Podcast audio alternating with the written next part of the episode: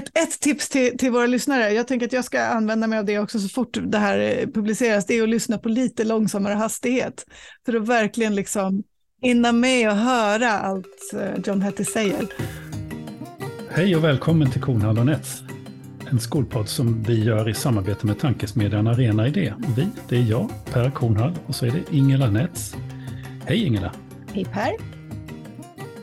Vi gör ju den här podden helt ideellt. Vi är båda engagerade i frågor som rör skola och samhälle för att det är så intressant, spännande och ibland utmanande att prata med människor som på olika sätt verkar och är engagerade inom skolans område. Och idag har vi en väldigt, väldigt speciell gäst och den gästen är, kommer ända borta ifrån Australien och vi kommer därför att byta nu till engelska för dig som har börjat lyssna. So today's guest is a researcher in education based in Australia. His research interests include performance indicators, models of measurement, and evaluation of teaching and learning. He is perhaps, or I should perhaps say probably, the most well known researcher in education in the world. He became known to a wider public with his book Visible Learning, a synthesis of more than 800 meta studies covering more than 80 million students in 2008. That was the result of 15 years of research about what works best for learning in schools. Now, 12 years later or more, he is back with Visible Learning, the sequel, now covering 2,100 meta studies, summing up some 130,000 studies representing totally around maybe 400 million students around the world. Welcome, John Hattie. It's good to talk to you, Per. Hmm. Is there anything you want to add to the presentation before we go on oh. with some some of the many many questions that we have for you? Let's get to the questions.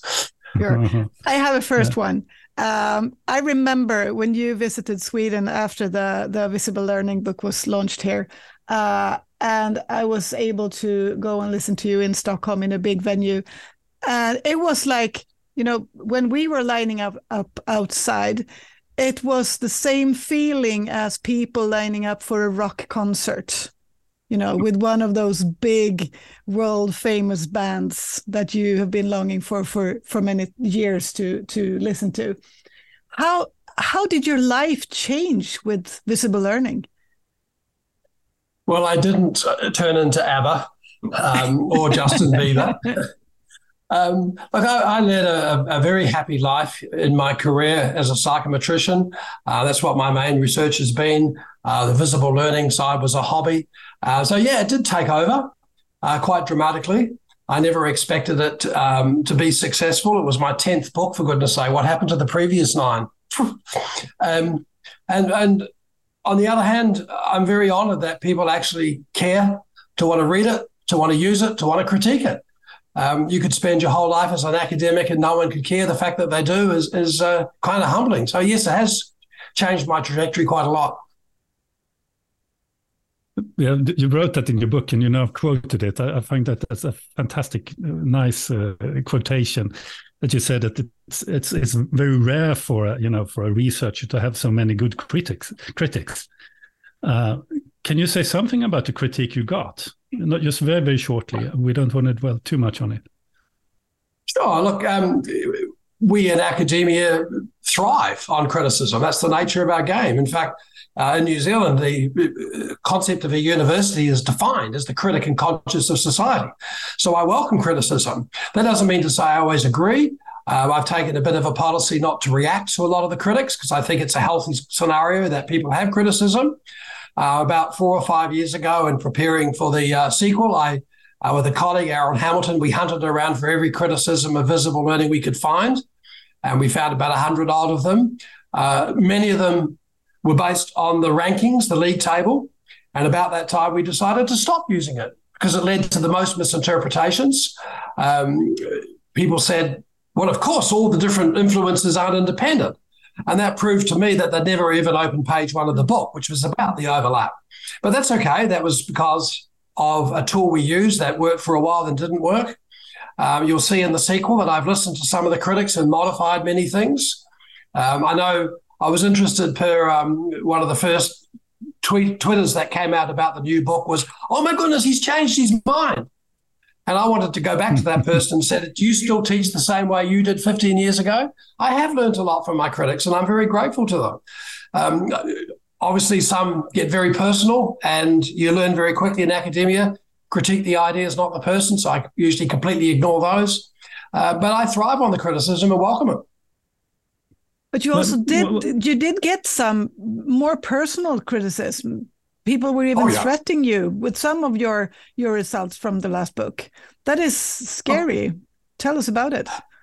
Well, it is. It doesn't happen as much now. It might happen a bit more with the new book, but uh, the irony is, and, and it's usually handwritten. It's usually snail mailed, mm. and it's written by a teacher with so much vile and negative in it. And my worry is Five minutes later, they walk into a classroom.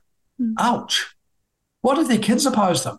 Now, I put them in the rubbish bin um, because you have to have you know, careful jacket to see these things. But some people are, are quite extreme. Um, I talk with people like Carol Dweck. She has the same kind of criticism. They're very, very personal. And you think that's just not the nature of how we do things. And so it's minor. Uh, but it does happen, yes. And I get some horrible emails every now and then that know more about my personality and home life than I do myself. But again, you ignore those. They are the minority. But even if the league table was was, I mean, it was heavily misused, and I'm very glad that you yes. took it away, actually. But it was also a wonderful marketing device, wasn't it?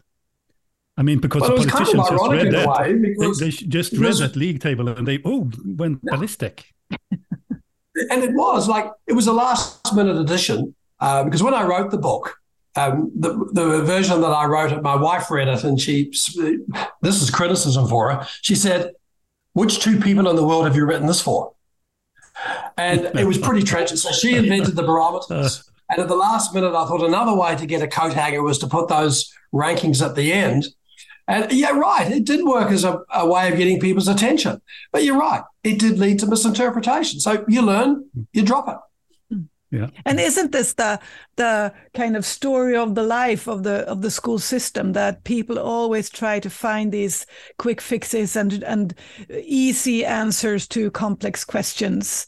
Uh, is that how annoying is it as a researcher when you do it in that in the depth that you actually do to uh, you know meet people that always gets it this way well again i have to take some responsibility like when you when you write a book um, you've only got so many pages, so you do have to get some big picture stories out there. And, and my aim in the whole work is to try and come up with an explanation. And what I find intriguing in the 15 years since the book was published, and probably 30 years since the first article I ever wrote on it, no one that I can find has ever come up with an alternative explanation. And again, about five years ago, I made everyone's life easier. I released all the data on a free website, MetaX. And I've said, here it is. You don't have to spend 30, 40 years collecting it. I'm giving it to you. Come up with a better explanation. And one day someone will. And I'll be very, I'll be the first person to say, I'm with you. And so th- that's that explanation, which is kind of much more brief, clearly, than 400 million kids, uh, is what we're always looking for. Mm. And in the new book, I talk about a model of instruction, uh, intentional alignment to try and understand. Because in 2009, I didn't get the teaching effect sizes satisfactory, not certainly not to my satisfaction. I struggled and struggled and struggled. And it was only many years later, um, because I've spent a lot of time in the subsequent years looking at the things that didn't work and trying to understand why they don't work. And that helped a lot to try and tease out the effect sizes on teaching, which in the new book I think I've got a better understanding of. Um, but of course, when you try and simplify things, some people don't like it. Well, good luck to them. Come up with a better simplification. Tell us more about intentional alignment. Explain what you mean. Well, one of the things that we do in schools is we have massive debates about either or direct instruction, problem solving methods, phonics, whole language, you name it. And one of the things that uh, came to me uh, from looking at the work was that there is a difference in the effect if you're looking at developing content, facts, knowledge. I call it knowing that, the surface level knowledge. And then we need to consolidate that because we can't recall it all. We have to overlearn certain things. And then if we then And provided we go on to then finding relationships between ideas, the deeper thinking. And finally, how do you then transfer that understanding to near and far situations and transfer? And if you if you develop a model of learning like that, and then you match up various teaching methods, suddenly things are, uh, uh become clear. Like it's no perhaps no surprise that direct instruction has an effect size of 0.8 with content knowledge. Problem based learning, 0.15 with content, 0.5 with the problem side of things. And so maybe we should be having a, I, I put the argument in the book too. Maybe we should have two success criteria. One about the skills and knowledge you want the students to know, and one about how you want them to relate the ideas and extend it. That means the learning strategies are different. The teaching strategies will need to be different. The assessments will need to be different. And maybe we should be more clear to students that we value both. And I make the argument in the book that you should be greedy. It's about having both, not either or. But too much of our debate has been either or. And I think the notion of intentional alignment, let's align our teaching methods, our assessments, our assignments, our success criteria, our feedback, our teaching to the cognitive complexity of what we're doing because this is something that you, you're right. Unless there is a major moderator, the cognitive complexity of the ideas yes. in the classroom, hmm. which I think is is is a fantastic. Also, again, uh, and just just to be fair, um, people like uh, John Biggs and your own Ference Marton have been talking about it for many years with the label constructive alignment. I, I talked to John about this and said, if I don't want to use the word constructive alignment because that's a very misused word in our business. But it's a very similar notion, and it's been around, particularly, ironically, in the university sector for a while. And so I'm adapting it here for the school sector. Hmm. But, but you're, you're talking, about this either or, uh, the situation. I'm wondering if you have any good answer to why there's always those two ditches. You know, the one is the the, the constructivist view, uh, problem-based learning, versus the other is the direct teaching uh, there seems to be that, that kind of a duality that that extends way, way back in time and still goes on all the time. I, I'm I'm thinking sometimes if there is two different modes of learning for for for for human beings, you know, one is teaching hand to hand. No, no I don't think they're different the, modes. See, the argument I'm saying they're not different modes; they're different purposes at different times. I like mm-hmm. I, I spent like I'm, I think I'm reasonably good at searching literature. And when I asked, when is the right time to switch from focusing on excuse me, the knowledge to the relationship between knowledge, there's virtually no research whatsoever. And part of the problem, Pierre, is I think, is that we get religious messiahs in our system that say, I'm a direct instruction person or I'm a problem based learning person. And they don't realize that they have differential effects. And so like, we won't employ anyone on our team that says they're one or the other because it depends when. Um, we, we discovered this also with learning strategies, certain strategy like uh, memorization. When you're first acquiring, it has an effect size of 0.03. For consolidation, it has a point effect, effect size of 0.96. There's a right time and a wrong time. And so flippantly, we and to make the job easier, we call our model the Kenny Rogers model. There's a time when to hold them, there's a time when to play them. Not quite ever. Uh, maybe there's an Absol that could get it better than that. and and it really goes pair to the notion that it's actually more complicated than being one or the other.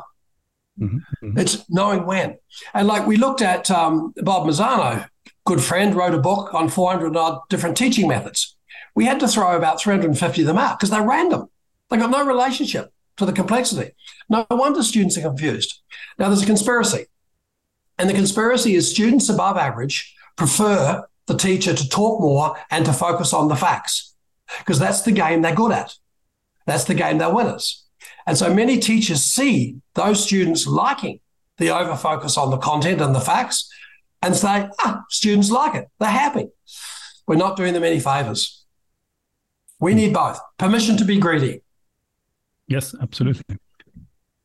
Uh, uh, uh based on this, what what would you recommend if we were to start anew again in Sweden? We would start new teacher education you know uh, trainings uh, what how, how would it look you know four years of basic training for a teacher for say grade grade, uh, what we say for, for, for 13 years old, some uh, lower secondary or something like that. But what, what, what, what should it look like to be effective? Well, I've been a dean, an associate dean in four yeah. universities for 20 years of my life in teacher education. So I do have an answer because we've implemented this. I think there are every assignment, almost, should be the same. Students should be presenting no more than 15 minutes, either a video, a lesson, a, um, a poster, and asking, what was the diagnosis? What is the issue? What does the student know? The students, the group of students, the class, whatever you're dealing with, what do they know and what do they don't know? And that's the step that's often missed. Then I want you to, to defend why you chose the intervention, the evidence based intervention relating to the diagnosis. Whereas too often they choose the teaching method because they like it. How does it relate to the diagnosis? What was the fidelity of your implementation? Like things go wrong in classrooms. That's real. So what worked and what didn't work in terms of fidelity? What was the evidence you collected about the impact you had that relative to the diagnosis? And step five, how would you improve it for next time? Now, to me, that is the dominant five questions. I talk about them in the sequel that runs through any class. And I would be arguing that's what we should be modeling in teacher education. Like here in Australia, we've 2014, we dramatically changed teacher education by asking all institutions to demonstrate that their program could actually help their students change learning in the students, not just knowing about feedback and questioning and behavior but could they actually change kids' lives?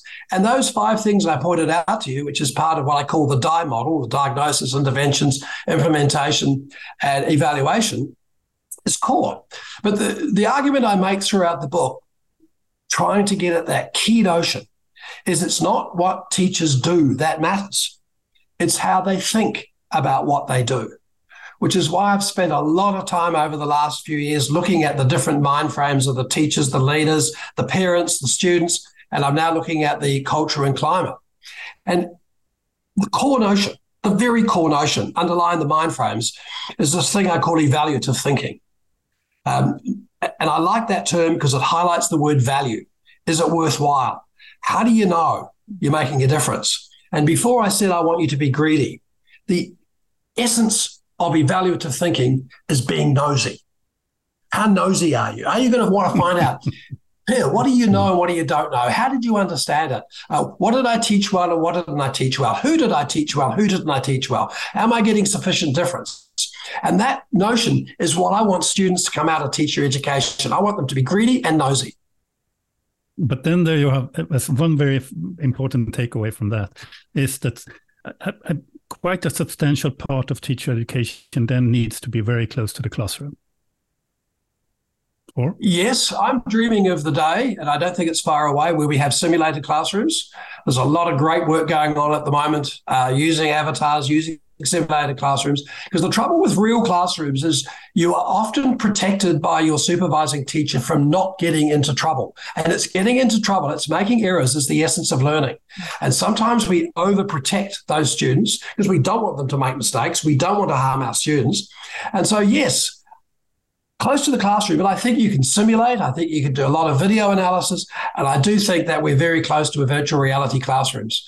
So within the next five years, oh, they're happening now, and, and, and, probably I don't know about whereabouts in Sweden, but we've been exploring them in our own place for the last few years to give students multiple opportunities to have that deliberate practice, which is so critical to learning. Hmm.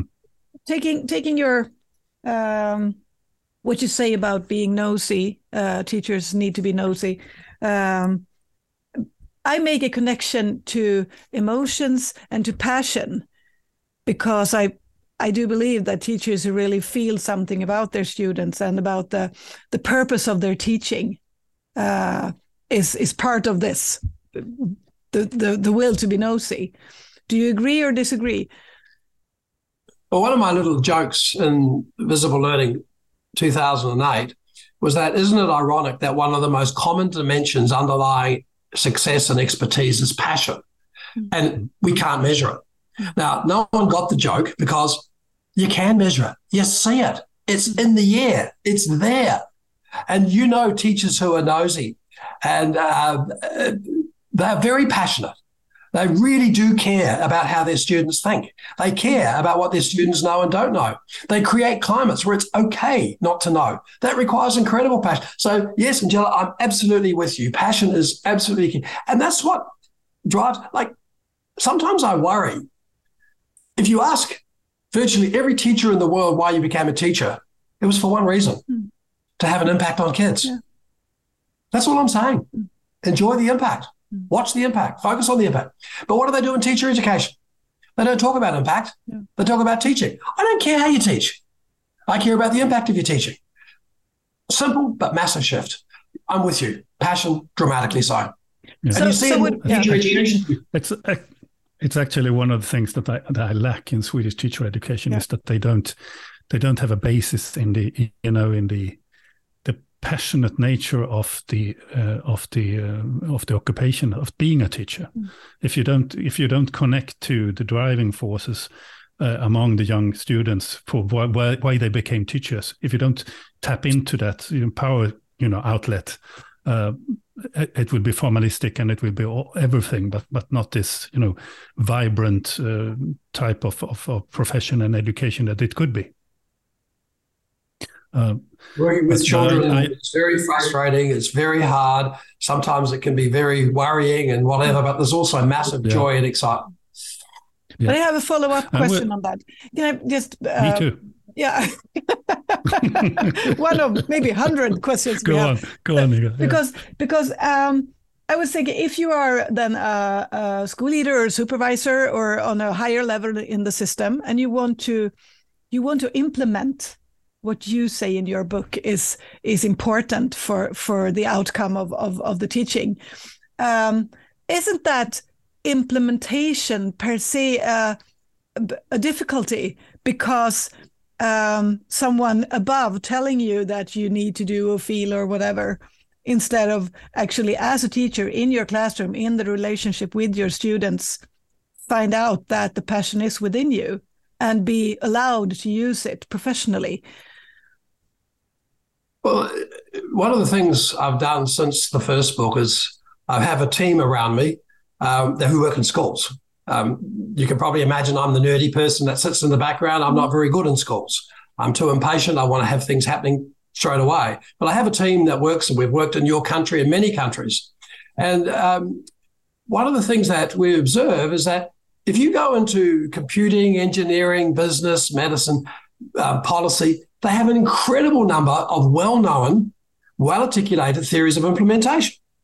Like if you work with government, you use Prince 2. And health, you work for getting to outcomes. And computing, you have Agile and Waterfall. What models do we have in education? It's very personal. Mm. It's usually a bit of hope, which isn't a strategy. And so one of the things that we've been doing is developing a model of implementation. And it's it's kind of like we call it the five Ds or the die model. And one of the things that I think we should be doing, not only in teacher education, but in every school, the school leader's role should be the master implementer.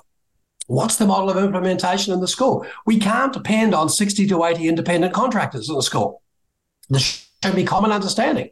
And that involves a good diagnosis, good evidence based implementation, which I think we're brilliant at. Checking the fidelity, um, making sure that adaptation doesn't kill an intervention, checking the evaluation, checking how we scale it up, asking how the teachers are going about interpreting their evidence about their impact, making that a school wide discussion. I think this is the key to developing um, visible learning in our schools. It's key to collective efficacy. It's key to our profession. And it really does mean we have to privilege the expertise. We have to privilege that passion. We have to privilege that evaluative thinking. It means staff rooms have to be places where it's okay to bring a problem of practice, a problem of a student. Whereas now, too often it's an embarrassment if you have a problem. And I think that's a real serious problem. Same in the classroom. Too many kids think errors are embarrassing. Errors are opportunities.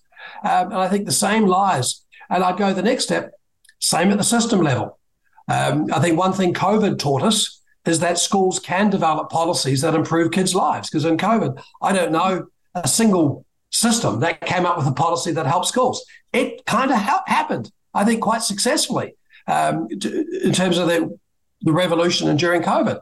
We've got a lot to learn from that. So I think that we've got a really exciting future ahead of us as long as we stop denying our expertise and start saying we have plenty of it and let's capture it and let's esteem it and let's scale it.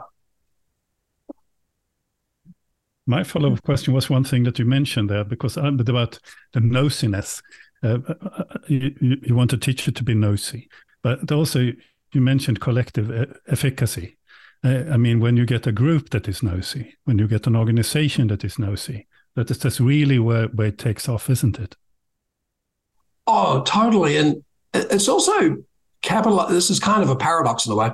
It's capitalizing on, I think, the biggest asset of our profession is that teachers are incredibly good critics, often of themselves, often of their students, but I want them to be critics of each other in the same positive way. I, like I mentioned before, my history is in tests and measurement. My fascination in tests and measurement is how people interpret the results. Know, I can create a test with all the psychometric properties with my eyes closed. That's not difficult. But how do you go about interpreting? And there's not one correct interpretation. There are multiple interpretations. And I want those multiple interpretations on the table. I want us to check those multiple interpretations. And I think that's the power of the collective efficacy. When we get together and we critique each other, we come up with multiple interpretations. Like Graham Nuthall showed 80% of what happened in the class a teacher doesn't see or hear. We've got to find other ways to see that 80%. And this is where the power of teachers come in. So I think this is a really powerful notion. But I don't know about schools you work in staff rooms talk about curriculum, assessment, kids, kicking footballs, um, teaching. They hardly ever talk about impact. And that's what we've got to change. But, but both Ingela and I have been very, you know, working very hard to to what's that to communicate uh, models of of, of uh, how to build collective efficacy, how to build organizations where teachers actually watch themselves, you know, each other, you know, teaching and and and you know all that, you know, Ference Marton learning learning study uh, tradition and all that. So yes. so we're very very aware of that, and and very very interesting enough, we now see a bit more of that in Sweden than we did like if we go back 15 years yeah. ago. And we now actually see schools that are very kind of mature in this kind of development. It's it's not all over the country. It's it's you know, but but there is actually a development which is very very very interesting. Mm. Um, could you could you just so, please explain collective efficacy a little bit what what that is? Because I think it's something that's kind, uh, kind of unknown yeah. Sweden. Well, it's it, it's a good concept, and I worry about it at times. It's like professional learning communities. That was a very specific concept when the Dufours invented it. Now every staff meeting is a professional learning community, which neutralizes it. Collective efficacy, I want to use the words collective efficacy about impact. It's multiple interpretations of impact. What do you mean by what you value? What do you mean by the content, the ideas between the relationship between the ideas, the transfer? How do you know uh, how much your students have understood and can use what you you've been looking at. Um, in the collective efficacy, the word "I" should never be mentioned. We have this, and here's we spent a lot of time looking at the skills to be collective, and the most two most critical. The first, you have to be able to stand in the shoes of others, and sometimes that's difficult for some teachers. They want to say, "No, you weren't there. How could you know?" Well, that's a blocker. They're yours. They're our students. They're not yours. And I want to know you were there, but you might have had an interpretation that didn't see the world the like the kid sees the world. So how do you have multiple? How can you stand in the shoes of others? And and the second part of it that I think I think is is, is really critical to the whole notion of, of, of collective efficacy is then checking that the various interpretations are making a difference or not not just implementing them, but following up. I like the example I like to use is um, Grant Smith in a, a year one, two, three school in a remote area of Australia. He gets all his teachers, looks at all the students across those three classes, and, and they have to bring along evidence that their students can do each of the success criteria. And they collectively sit around and moderate that. And if they don't agree, Grant, as the leader, can go and talk with that student. And so what they're doing is they're talking about what progress means, a common conception of progress and, and challenge, what proficiency and excellence means across the school. So it's not random that when a child hits a different teacher, their notion of what's challenging, because that's a serious problem in our school is that you can go up grades, but the work can get as easy as it was in previous grades. And that's not good enough. So, how do teachers have common understandings of how they move up A, B, C, D, E, or proficient to excellence, or whatever it is? That's the power of collective efficacy. It's a massive focus on impact, but that skill to stand in the shoes of others is absolutely necessary. Mm. I, usually say that it's, it's, when we when we watch uh, you know schools that are successful, we, we can see that they say there is no kid that we cannot cope that we can't you know fix or, or, hmm. or what word do you use. Right. Uh, whereas in, in schools where you don't have these collective dimensions, they, there are a lot of, you know, the, with these kids, it's very difficult to succeed for me. You know, there is a we and a me, you know, it's a, it's a, it's, an, uh, a, it's, it's like so a, true. And you know, Christine Rubie-Davies showed, and I comment about this at length in the book, that teachers who have high expectations tend to have it for all their students and are successful. Point nine. Teachers who have low expectations sadly have it for all their students, effect size 0.06. And that comes back, Pierre, to it's a way of thinking, isn't it? If you went into a school and implemented the best program in the world and didn't understand the teacher's expectations about their students, it won't work. And so, yes, you're right. And some of those teachers have taken a long time to build those low expectations and mm. they can produce evidence. We have to yes. contest it. And that's where collective efficacy is so powerful. That's where leadership is so important. It's tough sometimes to have to call it. And I would argue that the major problem in our profession is the courage to do this. Yeah, but but is it is it expectations of students or is it an expectation of my own my own knowledge, my own experience? One of the things that we've done is that you know, we've developed these 10 mind frames for teachers and leaders. We've actually created an instrument to measure them. We've administered it on around two to 300,000 teachers. The hardest, by a long way, is the concept that I am a change agent. I am successful. Now, to be fair, your country and my country, we've beaten up teachers. And so easy we say bad teaching but the opposite. Listen, teacher, it was you that caused that kid to learn. It was you that did it. Um, it's the hardest thing to engender in teachers. And so I would argue, and certainly in our work, we spend a lot of time in the first year working with schools, getting them to take attribution for success. And this is, comes back to the whole profession. Uh, like we're a Florence Nightingale profession. We're in it for the love of the kids. No, we're not. We're in it because we have incredible expertise. Our parents saw that during COVID. We aren't just babysitters. We're not just motivators. We actually have an incredible amount of expertise. And I want the profession, profession to stand up and say that. And that comes to your point. Uh, I think we need to spend a lot more time saying, Pierre, what did you do in there that, that caused that child to learn? Now, I know the child learned. You taught. But it's something you did that led the child to do that. And that is a massive set of skills we have to capture. Well, you point out um, several times in your book that uh, it's about every kid, every learner uh, in the classroom. That, that it's a it's a um, a perspective of, of, equity, I believe. Um, but then and then you also I I kind of feel through the book that it's really empowering teachers in in the way that you say that you know the impacts uh, you actually have have a chance to change the kid's life here. That's why we joined it. And like one, one of the uh, findings in the sequel is the incredible negative minus 0.6 power of labeling. Yeah um, and I think this is something that's happening in our world more and more as we label children to explain why they can't. Mm. Unlike in medicine, when we label, it's the first step in diagnosis. That's not what we do. And some parents welcome labels because it explains why their child can't, why they're special. And then it comes to the point you raised about equity. I'm not convinced equity's got anything to do with groups. Like here in Australia, 70% of students in schools who don't make a year's progress for a year's input are not in any equity group. Hmm. And my notion of equity is every child, no matter where they come from, what their background, what their prior achievement, deserves at least that year's growth. We can work out what that year's growth is. It's based on the curriculum, it's based on the evidence. We've got oodles of evidence to do that. And uh, this may seem strange, guys, but in the first version of Visible Learning, there was no chapter on learning.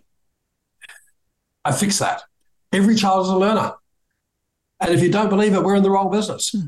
I'm not a fan of saying every child's going to be brilliant. No, not every child's going to win a Nobel Prize. Uh, we're going to have variance. We're going to have an achievement gap. That's a wrong metaphor. The right metaphor is every child deserves at least a year's growth for a year's input. And in many of the schools we work in, it happens. It can happen. It does happen. And I would argue it happens more often than we actually realize. And that's what we need to esteem and we need to value. And that's my notion of equity. Hmm. You mentioned now one of the, the, negative effects because your book is not about. I mean, the main message in in in, in your in, from from the beginning was that most things work, but the the, the the the interesting thing is what works better.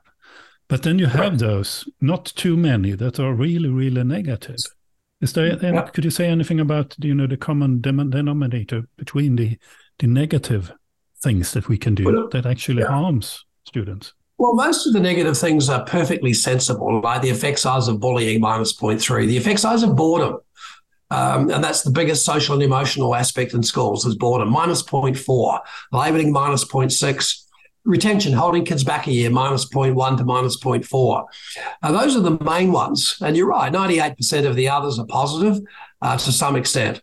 Uh, but we shouldn't hide the fact there are some negatives, not many of them. Um, but this is what research is about: is accepting the evidence and helping to explain it.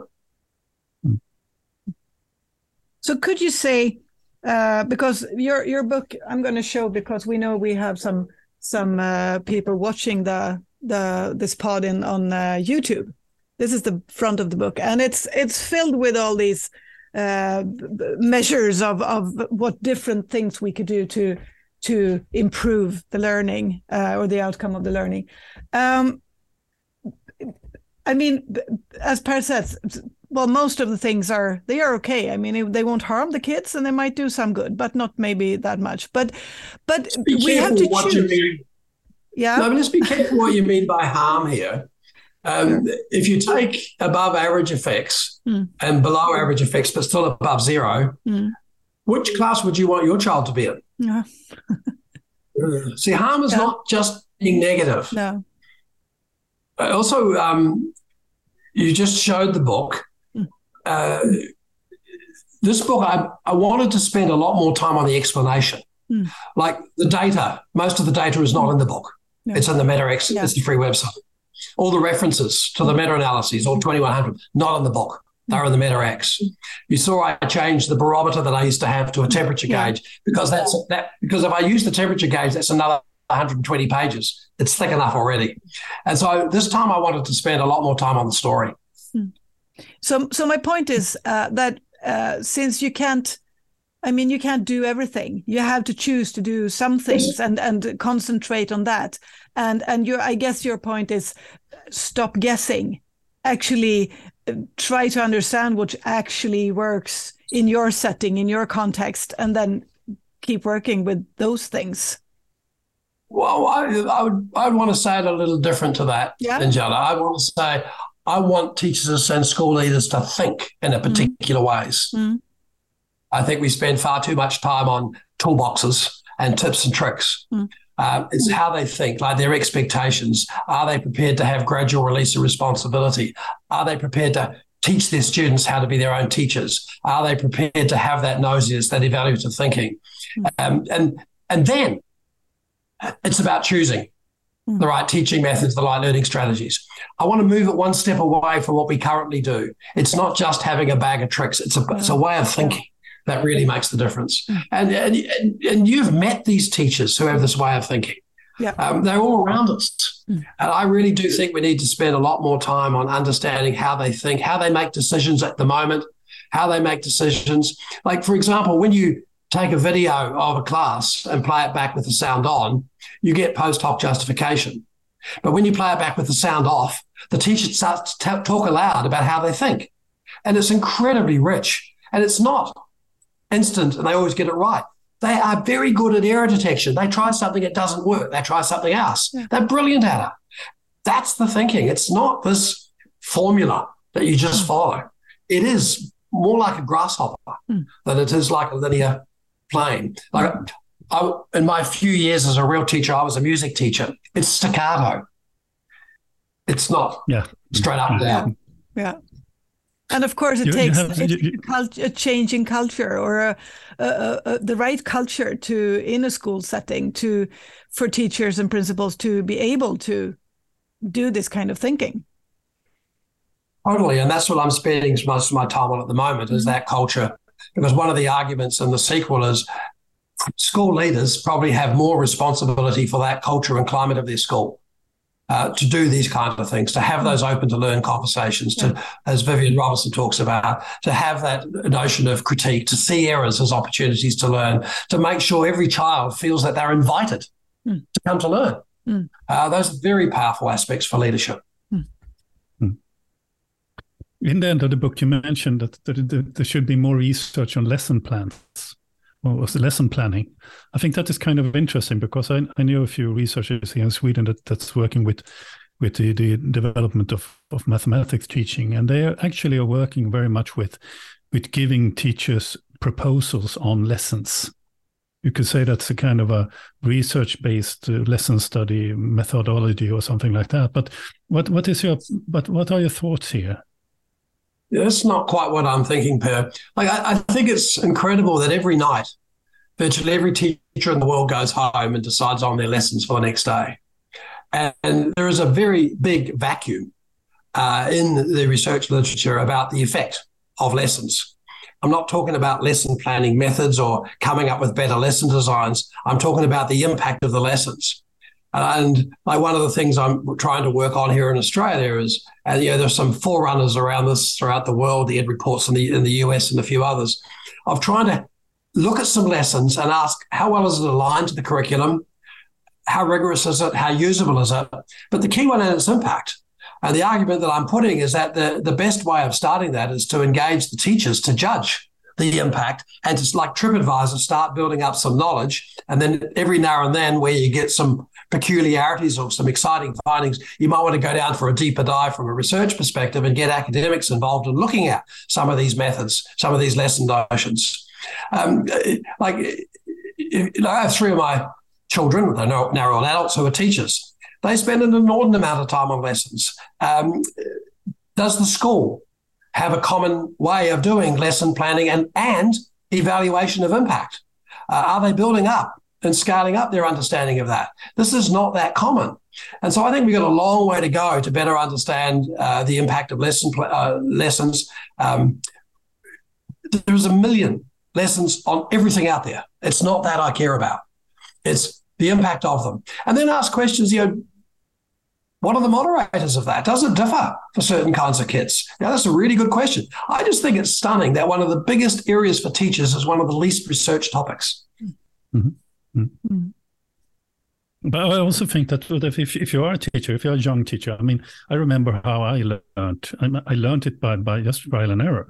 I didn't get, except from you know the the short practice part of of, of uh, teaching that we had. That I got some lesson plans from from the the, the older colleague that was uh, supervising me in the school. I did. I, I built all this, you know, just trial and error, you know, or based on my experiences. Uh, isn't it good to have some ideas on how, how to teach? Do you want your pilot to learn by trial and error? Sorry? Do you want your airline pilot to learn by trial and error?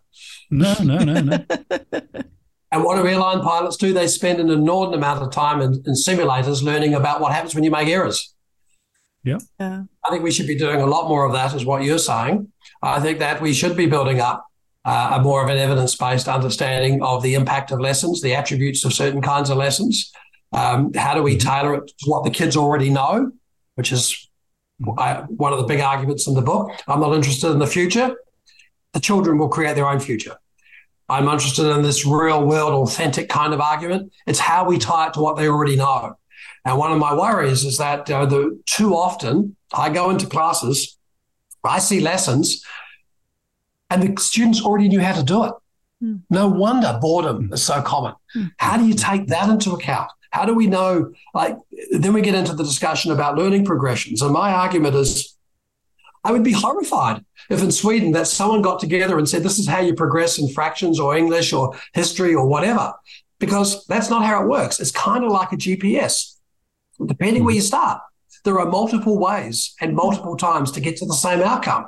We've got the technology to do that. Um, there's some very good technology out there that can do that at the moment where we use assessment for prediction, not as we typically do it to explain what the kid did in the past. I think we're on the cusp of really coming up with some really fascinating answers to lesson planning, to getting away from having all teachers trial and error, um, and having this notion that we have our favorite lessons, the students are satisfied and like it, as opposed to can we demonstrate they're having the right impact? Like, can you imagine creating a video game and making it so easy that every kid can be successful, or making it so hard that no one can be successful? They know that Goldilocks principle of how you make something not too hard, not too easy, not too boring. Wow, do we have a lot to learn from them? Hmm. Hmm. Are we to- so we are talking gamification here, or the, the ideas behind it? Like last year, I published a book. I'm very proud of this book. I wrote it with my son on visible learning for parents, and in that book, we look at about 20 different uh, learning ideas that the video gamers have come up with, mm-hmm. and saying, "Hey, They've done this. This is why they're successful. We can learn from this. And we're writing another book together now on the notion of the Kenny Rogers notion of learning. And what we're trying to say is let's have more discussions about learning. Now, let me get in first, critics. Learning is about something, yes. But I don't think we're very good at having ideas of, of learning. I don't think we're very good when we ask teachers, what's your model of learning? Like my model is going from first acquiring surface to deeper consolidating to uh, to the deeper learning, acquiring deeper consolidating transfer. What's your model, teacher? It isn't just giving kids engaging activities. They go through, it takes time. We overload them at times with too much information. Sometimes students don't get to that aha moment at different times. I think there's a lot of rich discussion we can have about learning. And that's what the gamers are focused on. So, yes, it's not gamification for the sake of gamification. It's learning from their design principles, mm. how you can actually bring that into the classroom. You mentioned the the the you actually write the deadly effect. Uh, I guess that's a, a, bit of a uh, uh, wording, but of high stakes testing, uh, how how it could kill deeper learning. Uh, do you have anything about because in Sweden we now have a, a very huge national test system um, which evaluates schools, teachers, etc., etc. And teachers are very, very now, you know, honed to. They are really teaching to the test. Um, and, and I get the I get the message that from your book that that can maybe is not the very best way to go.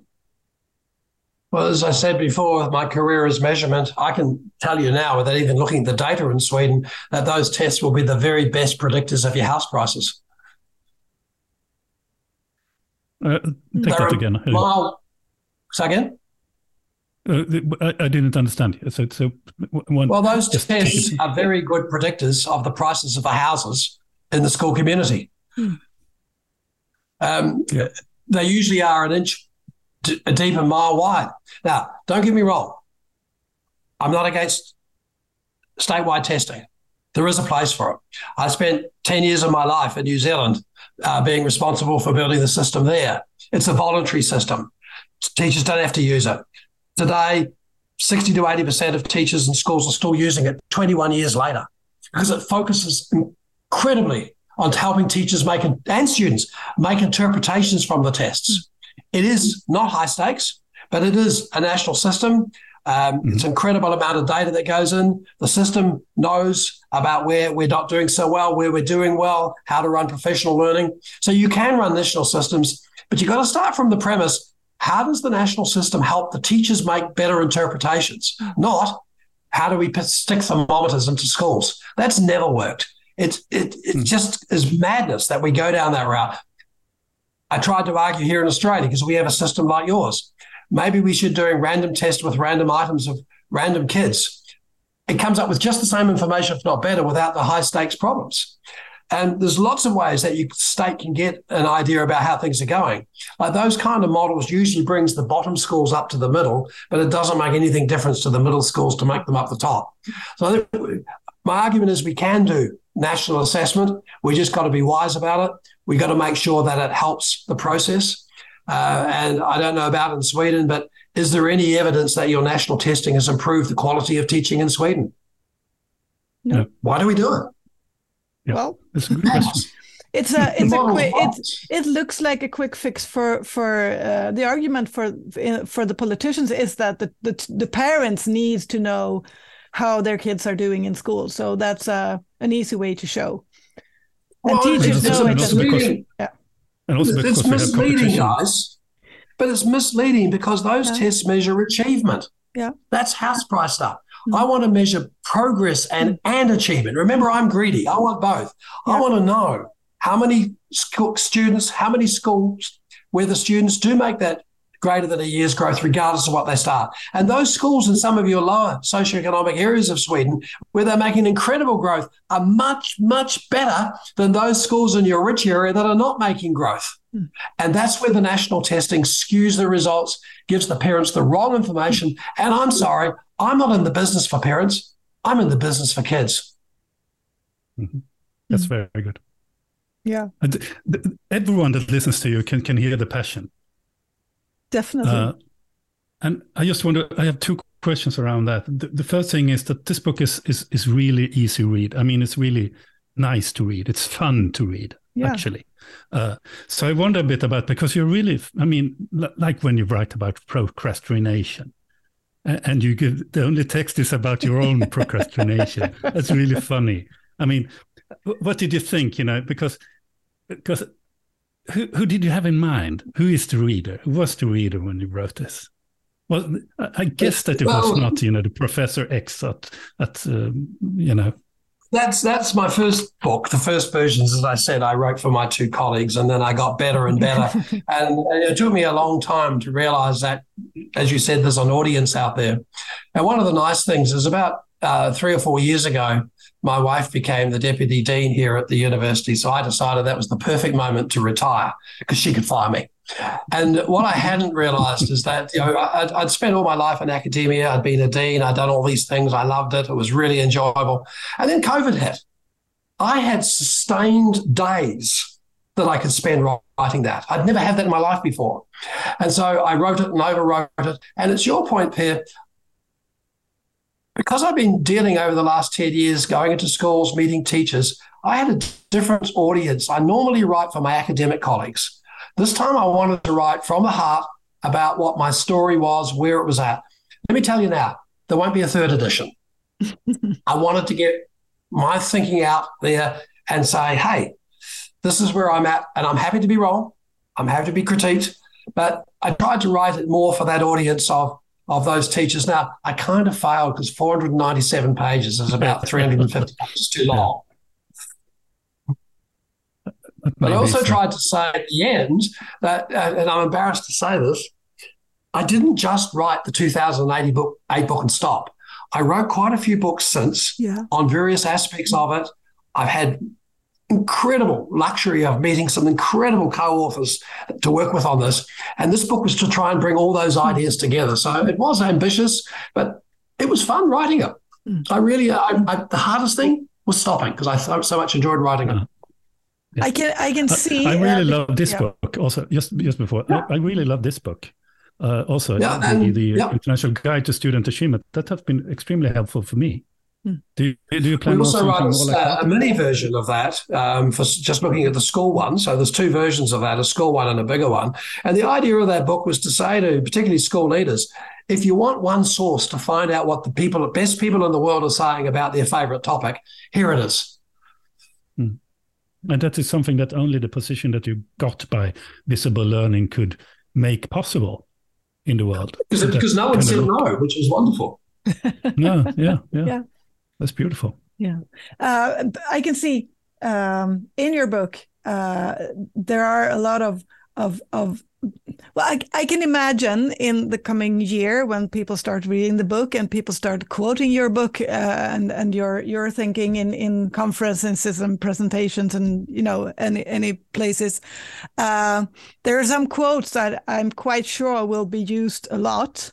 And i hope they will be used with with you know with the depth of actually have reading the whole story not only the quote but one of them is the skill the will and the thrill. Uh, it's it's it's it's nice to say it. Can you just explain what you mean? Well when um, one of the grants we got a few years ago was to set up a science of learning centre with the queensland brain institute.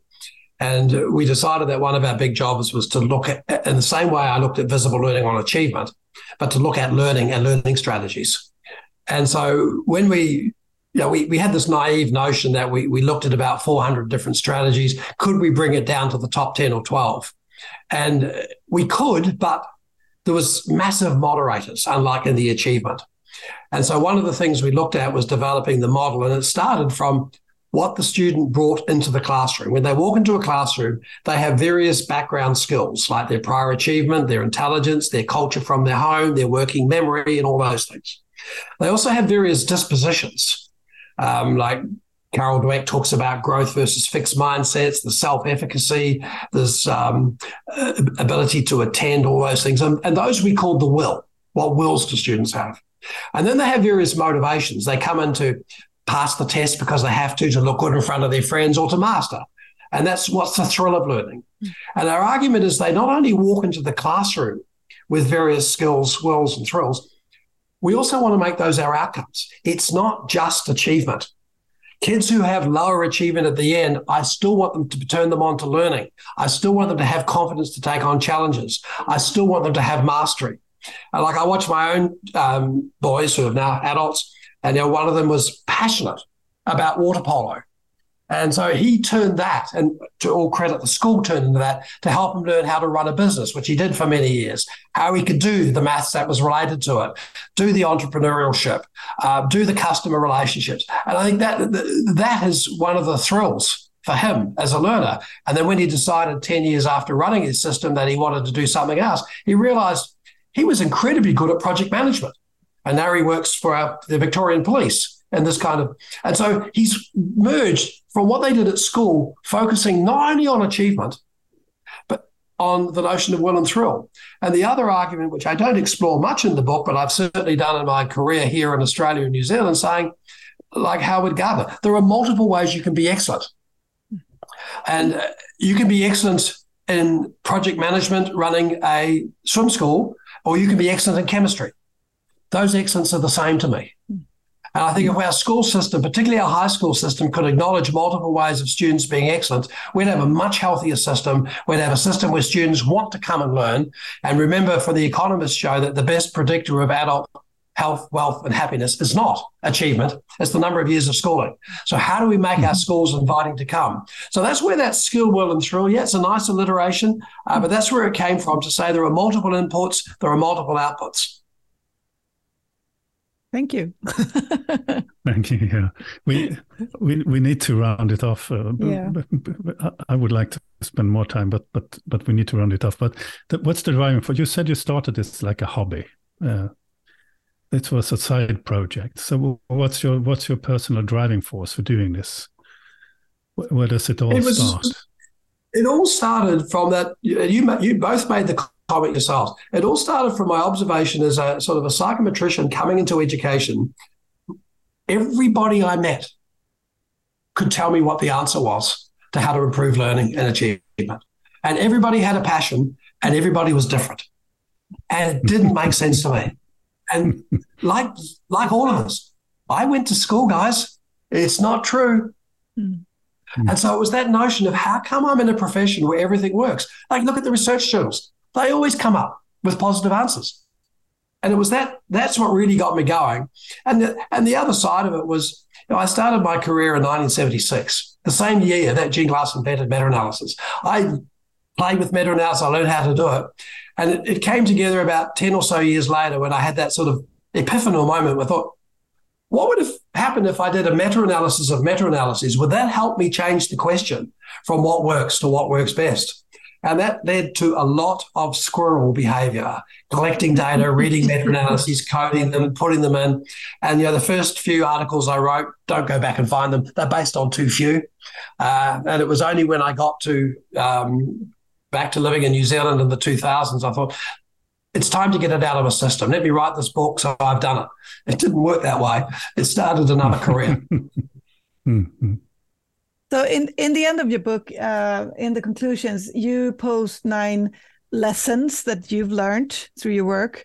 Uh, and I, I think we should should leave for the readers to actually go there and read them because then they have to read the whole book. But if you if we ask you to pick one lesson, which one would it be? The most important go back again to something you said before 15, 20 years ago, if you worked in a school, there was no concept of looking at research evidence. It was very, very rare. Um, now it's very, very common. And I'm delighted about that. But as I argue in the book, that's one form of evidence. There's the evidence from the teacher they're noticing. There's evidence from the test scores. There's evidence from the assignments. There's evidence from the student voice about learning. I think that's the most exciting future. How do we triangulate those to move forward? And I think that's been the biggest change in my life as an academic over the last 20 or 30 years is now it's part of it. One of my worries, Angela, is that we highlight the research evidence as privileged. It's not. It's one form of evidence. Mm. And it does come back. And I think the most exciting finding for me from the whole work is it does come back to how we think many many years ago as a graduate student, I, I did some sessions with Karl Popper, and he argued that science progresses by looking for evidence you would not accept. It's the same for great teachers; they're always on the lookout for how to improve, how to make a difference, where they weren't successful, how to be better. And you, you, you got to take your hats off to the profession for doing that. I only wish the profession would take their hats off too and acknowledge that incredible expertise that's all around us. Mm. That's very nice final words, I think, yeah. uh, John. Definitely. Thank you for the, this privilege to hear you. Uh, I think your book has been immensely, uh, it's been criticized in Sweden, but it's been mostly very, very, very helpful. And the, mm. the the position of research evidence in, in education moved, you know, far, far ahead. I mean, it it's created a movement in Sweden where where or knowledge about or, or the notion that there is some evidence on education uh, available uh, it was uh, it's been immensely useful and, and and for us in Sweden. So thank you very much also for this time with you. Yeah I appreciate what you're doing. And one day if you can find one of the critics let's have a debate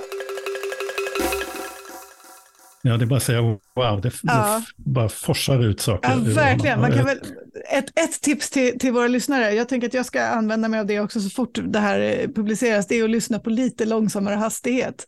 För att verkligen liksom ja, hinna med och höra allt eh, John Hattie säger. Mm. Mm.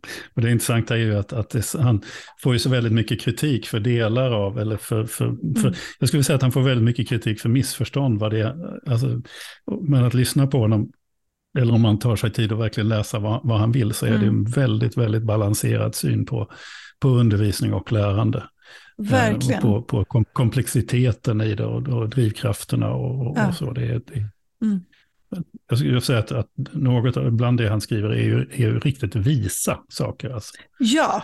Eh, han, mm.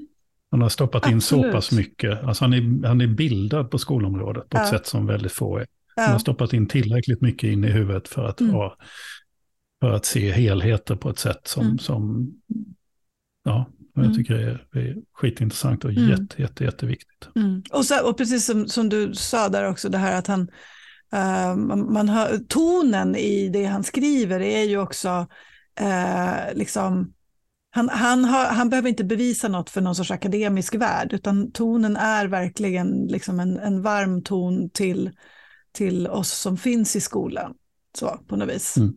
Uh, i, i, ja, men det är verkligen, det finns någon sorts I come in a good will, liksom. Mm.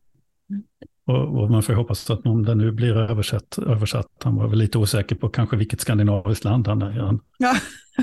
och så, kan man ju förstå, ja. eller något sånt. Men, men man kan ju då hoppas att de också, att översättaren verkligen plockar upp det, eh, just eh, tilltalet. Ja, precis. Precis. Men, men med det sagt, alltså, eh, även om man, om man inte tycker att man är liksom superakademisk i sin engelska kun, kunskap så, så är den ju inte svårtillgänglig den här boken. Alltså den, den, den är fullt begriplig eh, för, för oss som har en liksom, normal mm. nivå av engelska kunskap. Så det, jag tycker verkligen att man ska överväga och skaffa den redan nu och läsa. För den, ja. eh, den ger jättemycket. Och den är, det är ren underhållning att läsa bitar. Alltså det, den är fantastisk, faktiskt. Och den är också annorlunda, ska man också säga, för den som har läst den tidigare versionen. Att den är mer resonerande. Där redovisade mm. han mer olika studier och så, mm. men här är det mera ett resonemang, eh, mm. ett förklarande resonemang kring resultaten som, mm. som modererar. Oj, så, mm. ursäkta, som, eh, alltså ett resonerande resonemang som modererar eh, de data han har, har visat mm. fram, mer än att bara redovisa så här sa den och så här sa den, utan det här, det. det här kan bero på att. Eh, Exakt. Den typen av resonemang. Ja. Och, och det, gör, väldigt, det, gör den, det gör den mm. bättre.